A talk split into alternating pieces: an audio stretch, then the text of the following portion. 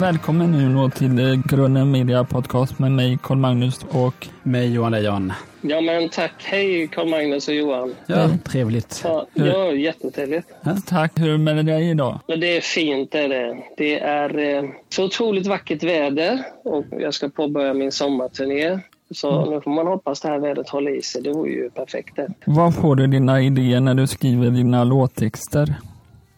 Det är mycket sådana här, alltså att leva ett liv. Varje dag som, som, som, går så händer alltid någonting. Och jag är sån så jag brukar skriva lite små um, anteckningar om det är någonting som jag upplever. Det kan vara eh, det, kan, det, kan, vara en film man ser, det kan vara man har läst, det kan vara eh, någonting man upplever. Mm. Eh, I naturen eller när man träffar människor och umgås.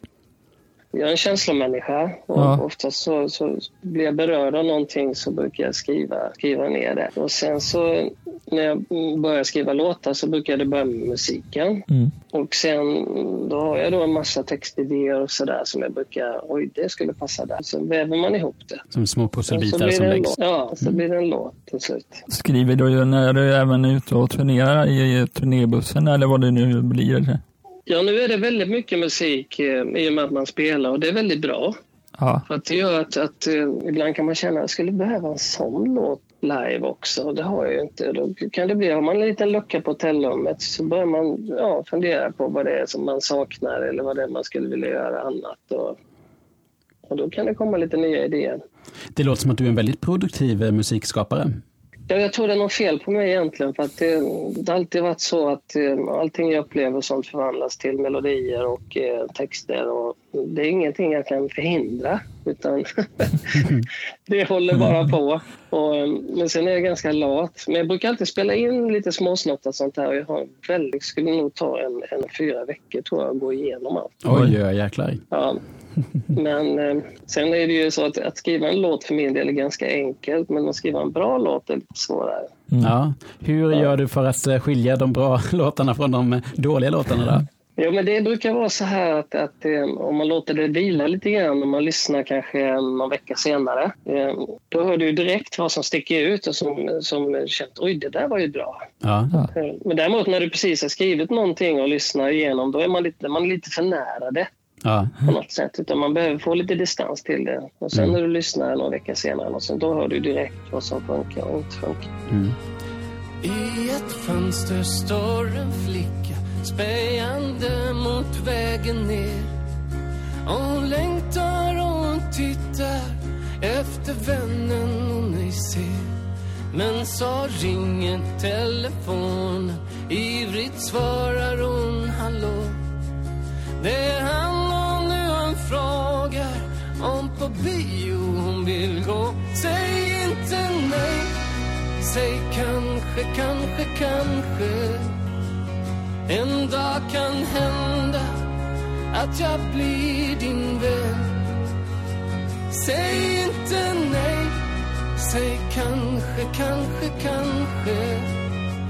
Säger du aldrig vi ser sig mer igen kan du eh, landa ett musikstycke så eh, som du skapar och så tänker du att jäklar jag är ett geni och sen eh, när du lyssnar på det ett par veckor senare så vet du inte alls vad det var du tänkte när du skapade det? Exakt, jag skulle inte kunna beskriva det bättre själv. Så kan det vara. ja, man, kan, man kan vara helt euforisk ibland och tycka att det här är det bästa jag gjort. Och sen går det någon vecka man lyssnar på det och man fattar ingenting. Nej. Eh, och sen kan det vara tvärtom också, att det kan vara något du känner att det här, det här var inte dumt. Och sen när du lyssnar på det någon vecka sen så är det väldigt bra. Ja. Eh, så det är lite olika. Mm. Kommer den euforin lika ofta nu som när du var yngre? Jag tänker att nu har du skrivit mycket mer musik. Nej, men alltså, ju äldre man blir, tycker jag för min del i alla fall, och så känns det som att eh, musik kan vara ganska jobbigt ibland också. Eh, man vill att det ska vara tyst eh, och man vill hellre snickra hemma och hålla på i trädgården än att skriva musik. Mm. Eh, så att, men däremot när jag väl kommer igång Fast startsträckan är mycket längre nu för tiden. När jag väl kommer igång så är det, eh, är det lika roligt och lika euforiskt om man säger så. Mm. Skriver du på dator eller skriver du per hand när du är ute och turnerar? Oftast kommer melodierna, det är inte alltid man har instrument med sig. Ja. Till exempel man sitter på bussen eller på tåget eller på något flyg eller man ska iväg. På något, man är på någon flygplats eller vad som helst. Ja. Var man än är så kan ju dyka upp idéer i huvudet och då sjunger jag bara in det i i min inspelning på mobilen där. Just det. Och så får det ligga där.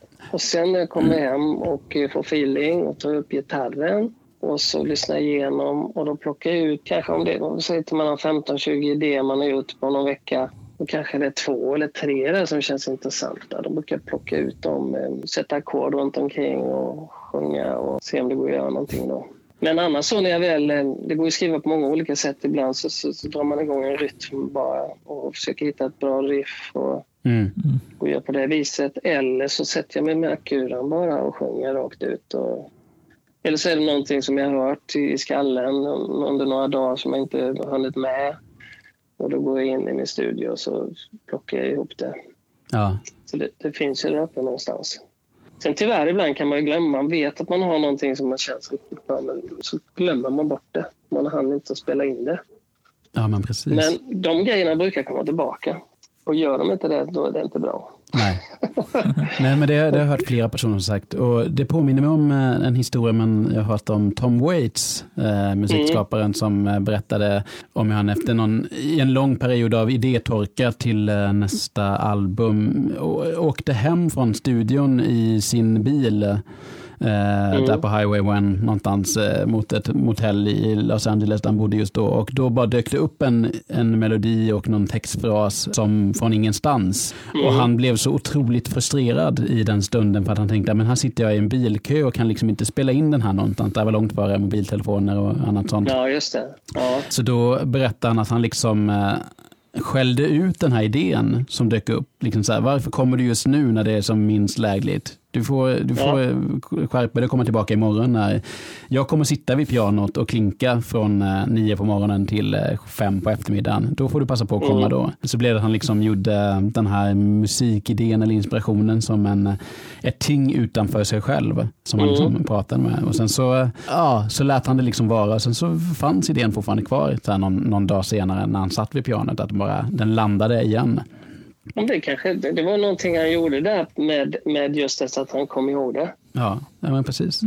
Det är ju spännande. Men det är också intressant att höra att han sitter från nio till det här med kontorsjobb och skriva. Ja, jag, jag kommer inte ihåg, jag ska inte eh, svära på att det var just de tiderna, men han, när han berättade så är det i alla fall med ganska strikta tider. Jag tror att han är en ganska metodisk person på det sättet att han säger, men jag går Ja, men- till jobbet och gör det här. Han har ju en image av att vara en uh, fyllebult liksom, som mest står omkring och skrävlar och sånt där, men jag tror att, jag tror att han är nykterist sedan 70-talet egentligen. Eh, och, Ja. och att det är en, en, en persona som man bygger på att vara den här lösdrivaren som ligger i rännstenen och gör de här mörka men vackra balladerna och trasiga visorna. In the neighborhood och de här är så otroligt fina. Ja, han har fantastiska plattor. Ja, det har han gjort. Jag, verkligen, jag, har, jag har säkert en fyra, fem plattor med honom tror jag. Mm. Jag vet att jag lever nu Jag vet att jag ska dö en gång Så därför vill jag leva i någon slags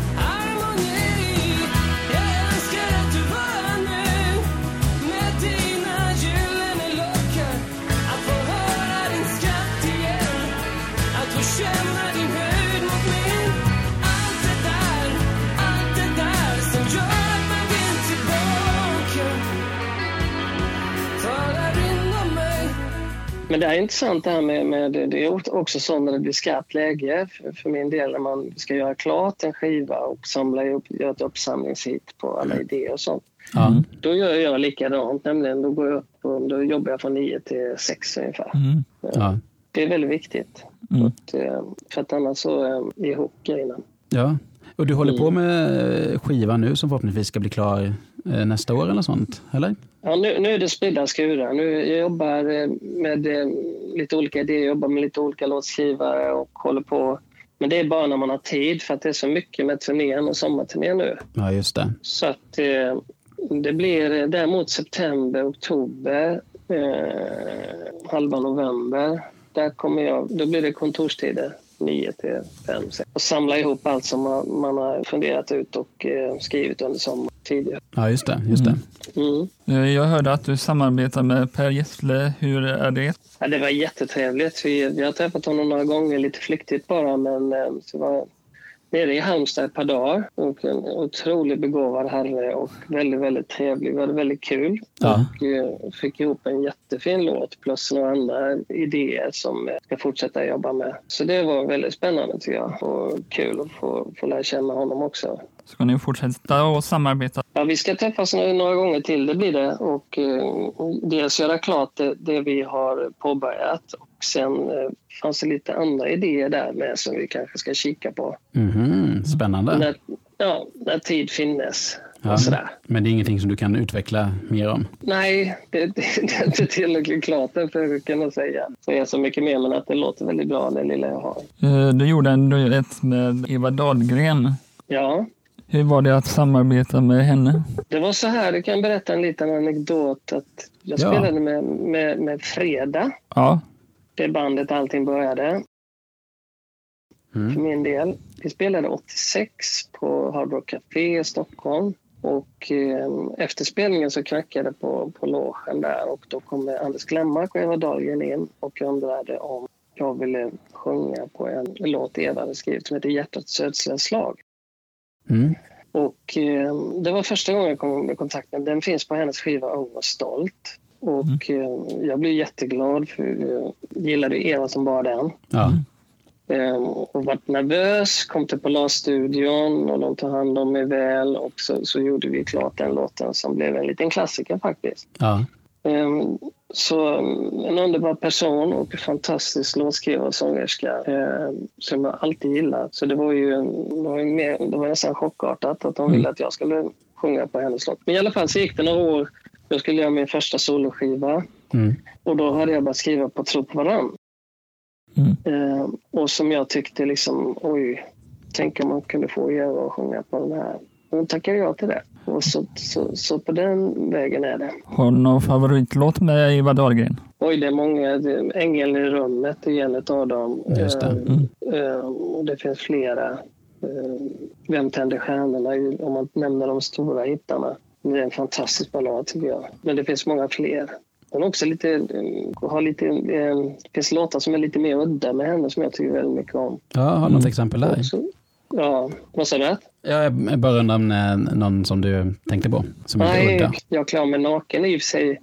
Det är också en väldigt bra låt. Gunga mig finns det ju någon som heter. Ja, det, hon gjorde några lite mer ex, experimentella grejer för mig. Som, det var någon där som jag tycker väldigt mycket om. Jag kommer inte ihåg vad den heter bara. Nej. Eh, vilken är din favoritdag i veckan? Mm, fredag tror jag. jag jobbade ju på fabrik du, i många år, eller många år, i en tre, fyra år. Ja. Det blev musiken och då var ju fredagen en väldigt fin dag. Då, var då, då var man ledig och man fick sluta lite tidigare för mig. Och, ja. och sen var ju bandet fredag också. Precis, precis. Jag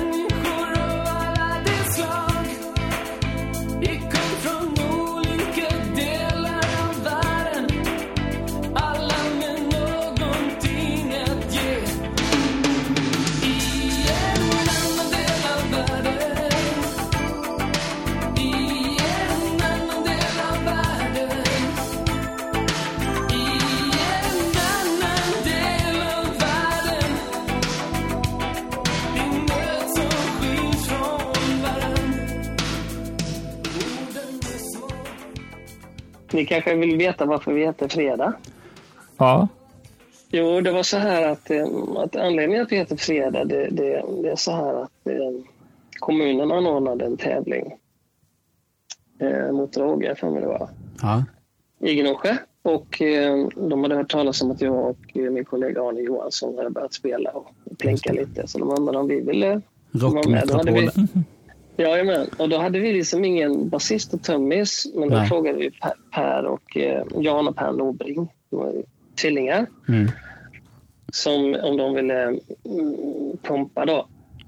Och så ringer kommunen någon vecka innan eller ett par veckor innan det skulle vara av stapeln och frågar om vad vi hette. Liksom. Ja. Och då ringer jag upp Arne liksom, så säger jag så här att det är på en fredag det här så att vi ska ändå bara spela en gång. Så att vi, ka- vi kallar oss för Fredag.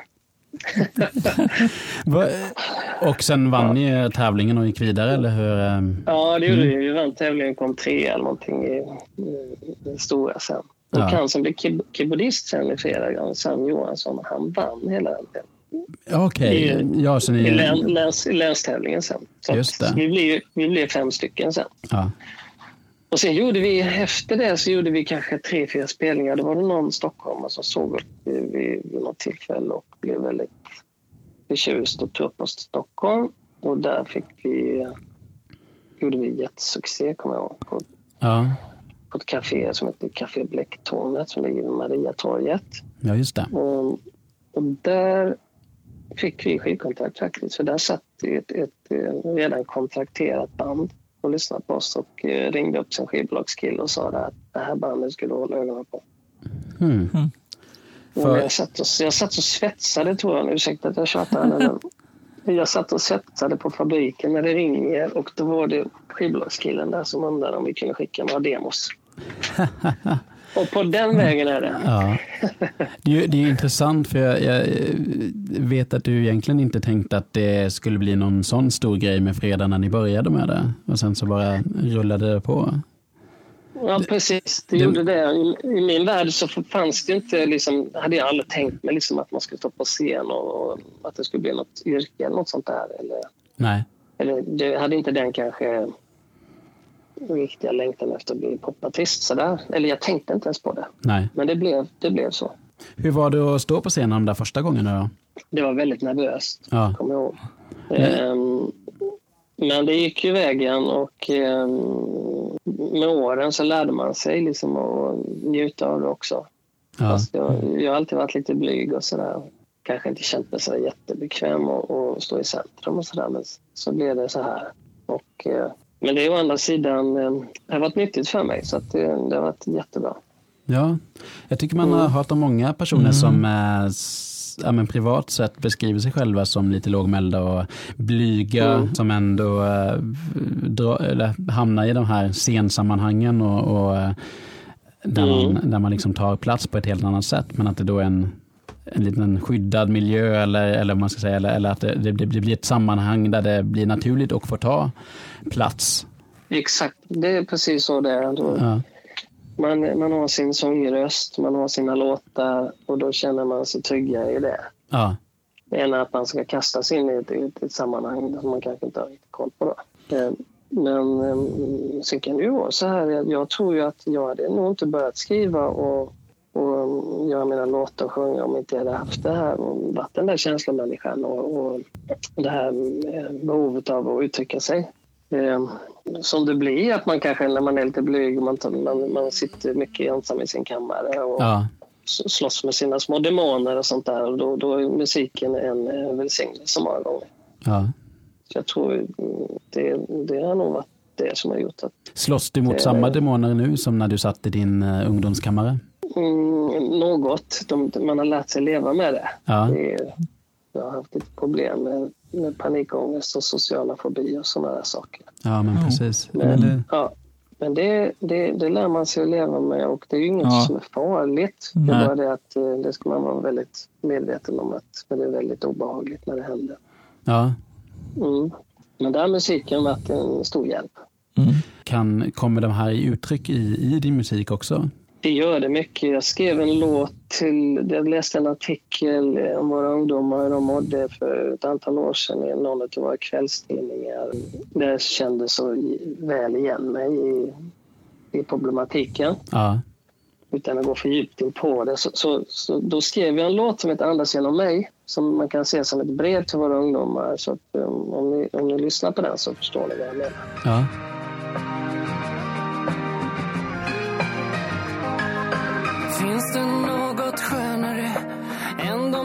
Som leder bort från allt mörker, all tristess? Ideal byggda av luft.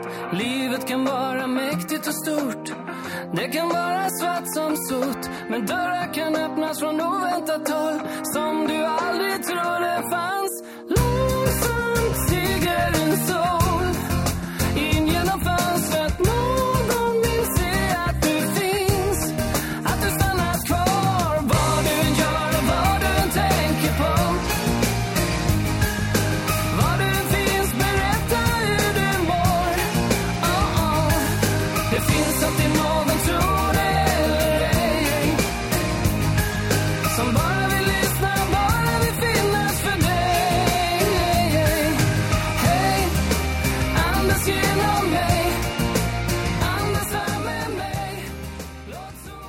Och då kommer vi ju nästan osökt in på eh, din låt Under ytan. Hur kom den till? Den också bottnar lite grann i den här tonårsproblematiken egentligen. Eh, och eh, det var så att jag, vaknade upp en, en, jag precis flyttat till Stenungsund och västkusten. Mm. Och jag vaknade upp en natt och hade en liten melodislinga i, i mitt huvud som jag inte kunde släppa riktigt. Och, så jag gick ner där tre, fyra på natten. Och under ytan kom direkt på något sätt. Eh, eller om det låg någon liten slaskskiss någonstans. Mm. Så att eh, den skrev jag och eh, där och då. Och sen bearbetade vi den, jag och min producent och min fru och också hjälpte till med lite textidéer och sånt på den, kommer jag ihåg. Så den kom till och sen när vi väl kom till, till Stockholm och skulle spela in den i skarpt läge så ville vi ha ett, ett cello Ja, just det. Ja. på den. Och det var det Svante Henriksson som klev in och gjorde den här fantastiska celloprestationen på den. Mhm. Jättebra. Ja, det Så är att, eh, otroligt det fint blev- arrangemang på den eh, låten. Måste man ändå säga. Ja, Alltså det är hela, Mm. Den är ja, men nästan tidlös. Ja. Ja, det är den. Mm. den som, det blir en klassiker det där. De har levt sitt eget lilla liv och blivit tolkad i Danmark. Och Blues gjorde en hiphop-version på den som blev väldigt bra. Ja, precis. Och, eh, och i Så mycket bättre här om året också. Jajamän. Mm. Mm. Det var det Kicke en version på den. Ja, men precis.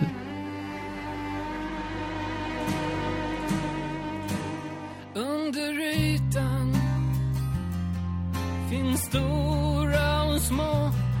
Under finns det skratt och gråt. Det finns mycket där som händer som vi inte kan förstå. Men vi hittar alltid svaren där i botten av oss själva.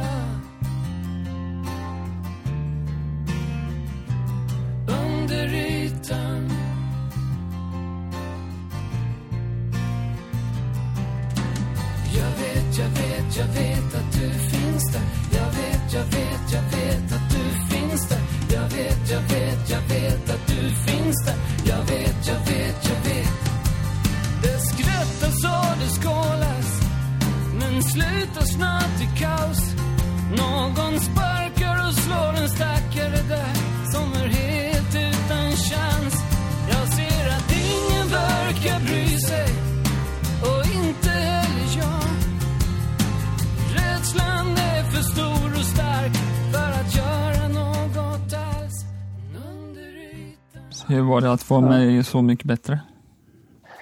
Det var, eh, det var väldigt roligt. Eh, man gick omkring. Det var mycket jobb med det. Mm. Man skulle göra få färdigt alla de här tolkningarna innan programmet och det var inte så jättegott om tid. Eh, vi fick ihop det och när man kommer dit ner och man väl ska börja så är man ganska nervös. Ja. Man känner ju inte de här människorna och um, artisterna. Och inte ens Kikki. Jag, både jag och Kikki har hållit på i många, många år men vi har aldrig träffats. Vi, Mm. Det var det första vi sa till varandra, att det var konstigt. Ja. Thomas Andersson, vi hade träffat lite grann och det känns väldigt skönt. Så att eh, hade man någon att ty sig till lite grann från början. Men det man upptäckte var att det var ett otroligt härligt gäng som ville att alla skulle må bra. Mm. Och man kunde få vara sig själv och då släppte det där. Och det var ett minne för livet kan jag säga. Gud vad härligt. Vilken Mm. av de tolkningar som du gjorde är din egna personliga favorit? Så här i efterhand när de har fått eh, smälta lite. Man kommer inte undan, eh, du kommer ångra det här, det är ju en utav dem. Mm. Eh, Men sen tyckte jag väldigt mycket om, så väldigt roligt att göra var Ingen är som jag, den tolkningen jag gjorde av Icona Pops låt Manners. Ja. Den kör vi även nu i sommar. Den tycker jag väldigt, eh, tycker väldigt mycket om. Den är väldigt rolig att spela också. Ja, ja, men den, den, Mm. den blev väldigt fräck. Mm. Ja, den är härlig. Mm. Sen är jag inte missnöjd med någon av dem. Många, så- så- det kanske var någon, jag kommer inte ihåg vilken av dem, som man kände att man inte hann med riktigt. Och man Ja. kanske precis innan, några dagar innan, varför gjorde jag inte på det sättet? Och det? Men det blir ju så. Man är, det var någon låt där som tog ganska lång tid innan man valde eller fick den man ville ha. Ja, eller hur det nu var. Ja. Men annars är jag väldigt nöjd med, med min insats där. Ja. En sak som jag har funderat över när det gäller Så mycket bättre är ju att fördelningen av låtar, för ni får ju, en, ni, ni får ju välja vilka låtar ni vill dela med er av, antar jag. Mm, eh, och ja. sen får ju folk, de andra artisterna välja utifrån din låtskatt, så här, vad de vill tolka. Men sen så vill Mm. de ju inte ha dubbletter av någon låt heller, så att det kan ju bli lite konkurrens om att få göra eh, Under ytan eller, eller någon annan Ja. sån där. Hur, hur, hur ser det ut, den politiken? Eh, att det bestäms vem som får, vem som får tolka? Det vet jag inte hur de tänker där faktiskt, men jag skulle kunna tänka mig att eh, om jag hade varit, jobbat med tv och sånt, att de, de väljer den artisten som de, de tror den passar bäst kanske. Eller något sånt. Jag har ingen aning faktiskt. Ja, för, du- för du fick ju, det är inte så att du fick fem låtar och det är de här fem du ska göra, utan, utan du fick ändå vara, välja utifrån de olika ja, artisterna det var en, ja, det var en, det, det var, några av dem fick jag ju som jag ville ha.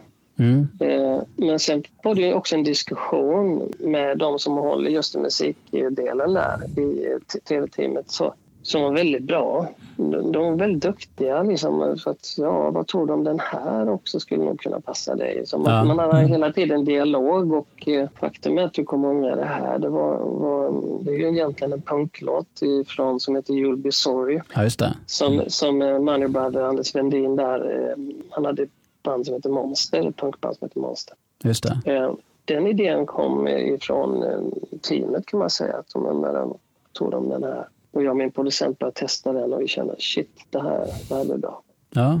Det är ju det är ju väldigt kul sätt att jobba kreativt, att utgå från någon annans eh, verk och göra tolkningar eller pastischer eller något sånt där. Man kan ju, Ja, få, det det. Man kan ju få mycket kreativitet på, på köpet där, eller vad man ska säga.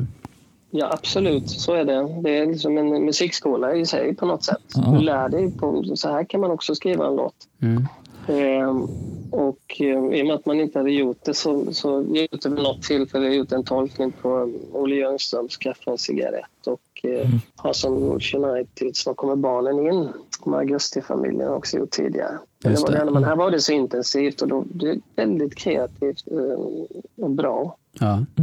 Eh, var bra för mig att sparka igång sig själv också. Ja. Och detta ledde då till andra sånger. Ja, det gjorde det. Mm. Där tolkade vi, tog vi med just Var kommer barnen in och eh, Kaffe och cigarett. Och sen gjorde jag fyra nya där utöver programmet också. Ja. Ehm, det blir ljusare igen. Den går ju ganska mycket på radion. Mm.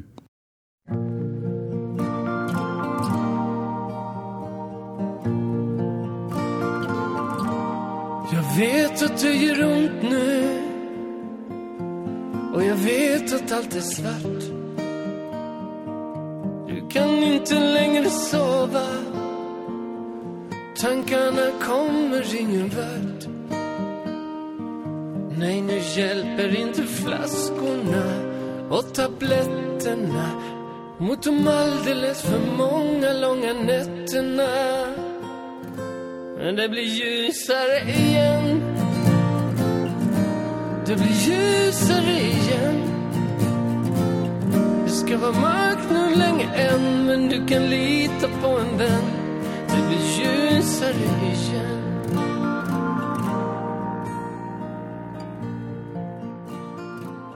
Eh, Fick du reda på vilka artister som skulle vara med innan eh, tv-programmet eh, skickade hem till dig? Eller så du Ja, vet? det, tog, det tog lite tid innan man fick, fick reda på vilka som skulle vara med. Men det avslöjades ju sen vecka efter vecka i tv tror jag. Eller var det. Ja, jag kommer inte ihåg hur, det, hur de lägger fram det. Men, Nej, man fick, de, de, de var väldigt sådär hemlighetsfulla med vilka Ja.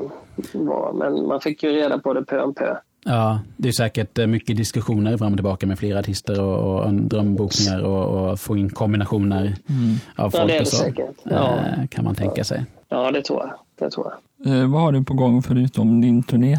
Ja, förutom turnén så, så försöker jag klämma in eh, dagar med familjen. Mm. Ehm, och när vi, men samtidigt så är det ju många fina ställen man besöker i sommar så det blir lite semester också. På Ja. det viset. Du De får får lite, på. lite luft mellan spelningarna. Ja. Sen är det ju liksom att skriva på, på en ny platta också som jag håller på med. Ja. Men eh, ehm, det är väl de skriva, turnén och familjen just nu som eh, det är väl Ja. det man hinner med. Ja, men det, det Ja. låter som ett ganska gott liv ändå, tycker jag. Ja, ja, det är det. Med det här vädret också så blir det ju perfekt. Ja. Men den här nya plattan, är du en sån som eh, gör eh, hundra låtar och sen så får ni bara gallra ner det och göra någon slags förproduktion på 30 låtar och sen så blir det till 12 låtar på slutet? Eller har du ett koncept på så här ska plattan vara och så gör du liksom färdigt 10 låtar och så är det, det plattan? Eller hur, hur eh, jobbar du med album? Jag jobbar för det mesta med att skriva väldigt mycket Ja. och sen eh, låter jag det ligga och så väljer jag ut. Och sen, sen när man väl har hittat kanske en 25 låtar som man tycker är okej, Ja, då kan man helt plötsligt börja tänka på, på någon röd tråd, vad det är för typ av skiva du vill göra. Och, Ja. eh, Ska det vara en akustisk platta eller ska det vara en popplatta eller ja, vad det nu är. Mm. Men det kommer i ett senare skede. Oftast är det kompositionen som jag känner är viktigast i första läget, att få till en bra låt. ja. Ehm, Du är en ackord hur man- och melodimänniska. För jag tänker, må- många jobbar ju kanske blir inspirerade mer av rytmer och ljudlandskap och så, att man bara försöker hitta ljudbilden och sen mejsla ut någonting ur det. Det, är, det, är, det har jag, det har jag liksom, det är två sådana. Det har jag den sidan också med rytmer. Jag är väldigt, om man får säga det själv, jag är ingen duktig gitarrist men jag, är bra på perkussiva gitarrgrejer och figurer och sånt. Ehm, Så att du är bra på, eh, Perkussiva gitarrgrejer. okej. eh, sånt som är rytmiska. Mm. Riff och sådana här saker. Som, eh, det gör, jag skriver mycket låtar på det viset eh, faktiskt. Till exempel den som jag och Gessle jobbade på väldigt rytmisk. Mm. Eh, sen eh, är det en del det är bara pianosång. Det är bara mest intresserad av att få ihop en komposition och få till låten så bra som möjligt. Men sen hur man gör den sen produktionsmässigt, det är ju en, vilken kostym man ger en låt. Det, det går att göra på tusen sätt. Eh, Det är, en, det är en, eh, ett äventyr i sig det. Ja, jag tänker att det måste Ja. vara så svårt att hitta rätt kostym. Att veta att nu, här har vi det. Ja, och där tror jag det är vä- väldigt viktigt att man har folk runt omkring sig. Som att, dels att du vet själv vad du vill ha givetvis och vad du vill göra. Men sen är det också väldigt viktigt att ha folk runt omkring dig som, har, eh, som, som är, är lite distanserade till det. Där man, i och med att allting ligger så nära en själv så man har inte riktigt koll på hur man kan göra det kanske. Nej, men Och precis det- som man kan Ja, ha det är en, därför man har en producent och eh, lite folk runt omkring sig som hjälper till. Ja. Och bra sound på grejerna och sådär. Ja, men härligt, härligt. Mm. Eh, då kör vi fem snabba till Uno Svenningsson. Fem snabba. Öland eller västkusten? Västkusten. Låtskriva eller stå på scen? Ehm, låtskrivare. Trädgård eller gitarr? Det var svårt. Trädgård. Nu kommer en till eh, svår och elak här. Ja. Eh, per Gessle eller Eva Dahlgren? Oj. Där får jag, där får jag säga bägge. Mm. Det får man göra också. Ja. Eh, fiska krabbor eller segla? Fiska krabbe. Game of Thrones eller Blacklist? Blacklist. Och sen så får vi tacka dig Uno otroligt mycket för att Ja. du tog dig tid eh, och ville prata Ja, med oss en stund. ja. Och, Tack själva. ja. Och lycka till på Stora Teatern i november. Ja, men tack så jättemycket. Det ska jag... September var det kanske? Eller var det? Mm, Ja, Eller, var, eller Jo, Stora Teatern. Ja, du menar i Göteborg, ja? Ja, ja Göteborg. Ja, men, ja, men det är nog i september, tror jag. Ja, ja. vi kan lyssna samma. Du får gärna... Vi kanske ses på någon spelning i sommar. får ni höra av er när ni kommer att titta. Okej, okay, Ha det fint. Kram på er. Hej då. Men vi hittar alltid svaren där i botten av oss själva Under ytan